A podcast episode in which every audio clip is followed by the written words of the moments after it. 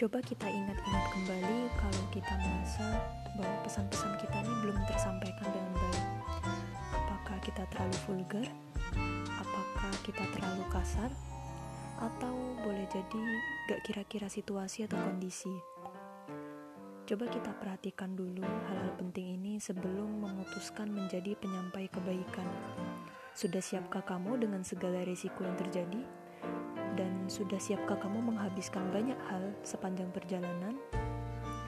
Karena kita nggak bisa memastikan betul apa responnya, tidak bisa memastikan bagaimana hasilnya, tidak bisa memastikan apakah perjuangan ini akan benar-benar terbalas di sini atau nanti terbalas di sana maksud aku di akhirat.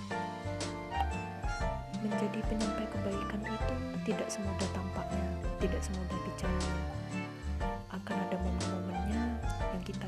Sudah baik, ternyata belum tersampaikan dengan baik. Ada masanya ketika kita benar-benar sudah merasa di ujung tanduk dan hampir saja menyerah. Tapi kalau mau diingat-ingat kembali, ada banyak contoh yang bisa kita dapatkan ada banyak orang yang menjalani hal sama dengan kita, dan mereka tidak menyerah. They still keep on the track.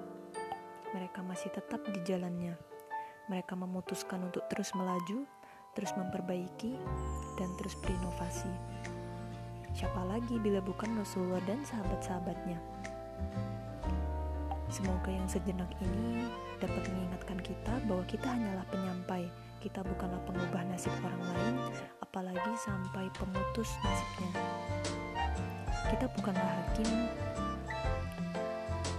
kita juga bukan untuk mengubah hidup seseorang. Ingat aja, kita hanya penyampai.